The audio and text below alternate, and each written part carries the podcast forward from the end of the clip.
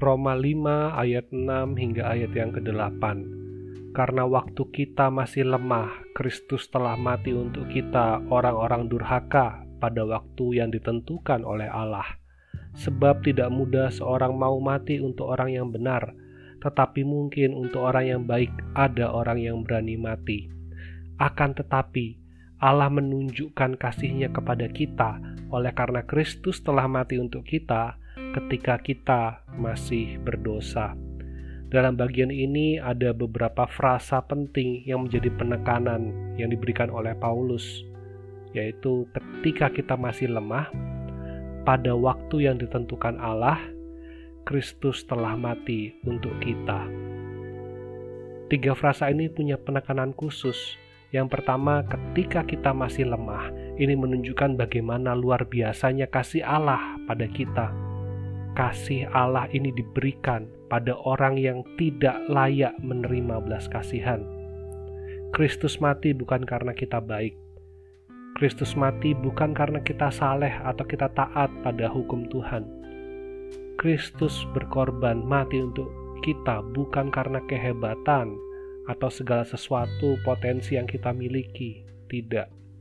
Kristus mati bagi kita orang-orang berdosa orang-orang durhaka. Kristus berkorban bukan untuk menyelamatkan orang yang baik, Kristus berkorban untuk menyelamatkan orang-orang berdosa.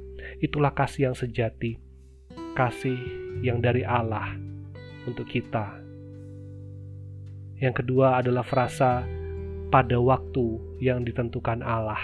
Ini menunjukkan bagaimana tindakan kasih Allah ini bukan sesuatu yang tiba-tiba terjadi, tetapi sudah direncanakan oleh Allah. Kelahiran Kristus bukan sebuah kebetulan, tetapi sudah dipersiapkan begitu rupa dan merupakan penggenapan dari nubuatan nabi-nabi Perjanjian Lama beratus-ratus tahun sebelum kelahiran Kristus. Dan pada waktu yang ditentukan Allah menunjukkan bahwa kematian Kristus pada masa yang lalu, dua milenium, dua ribu tahun yang lalu, itu juga berdampak sama sampai hari ini dalam kehidupan kita. Karena itulah waktu yang sudah ditentukan Allah. Dan Kristus mati untuk orang-orang berdosa, baik yang ada di masa lalu, masa sekarang, dan masa yang akan datang. Itulah cakupan dari kasih Allah, pengorbanan Kristus untuk manusia. Dan frasa yang ketiga adalah Kristus telah mati untuk kita. Frasa ini dipakai oleh Paulus dalam ayat 6 dan ayat yang ke-8 merupakan hal penting dari misi Kristus datang ke dunia untuk menebus manusia berdosa.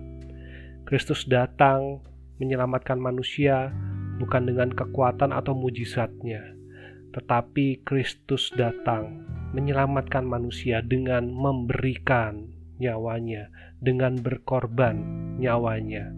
Ini adalah bukti dari kasih Allah yang begitu besar, memberikan nyawanya untuk orang-orang yang lemah, untuk orang-orang yang berdosa.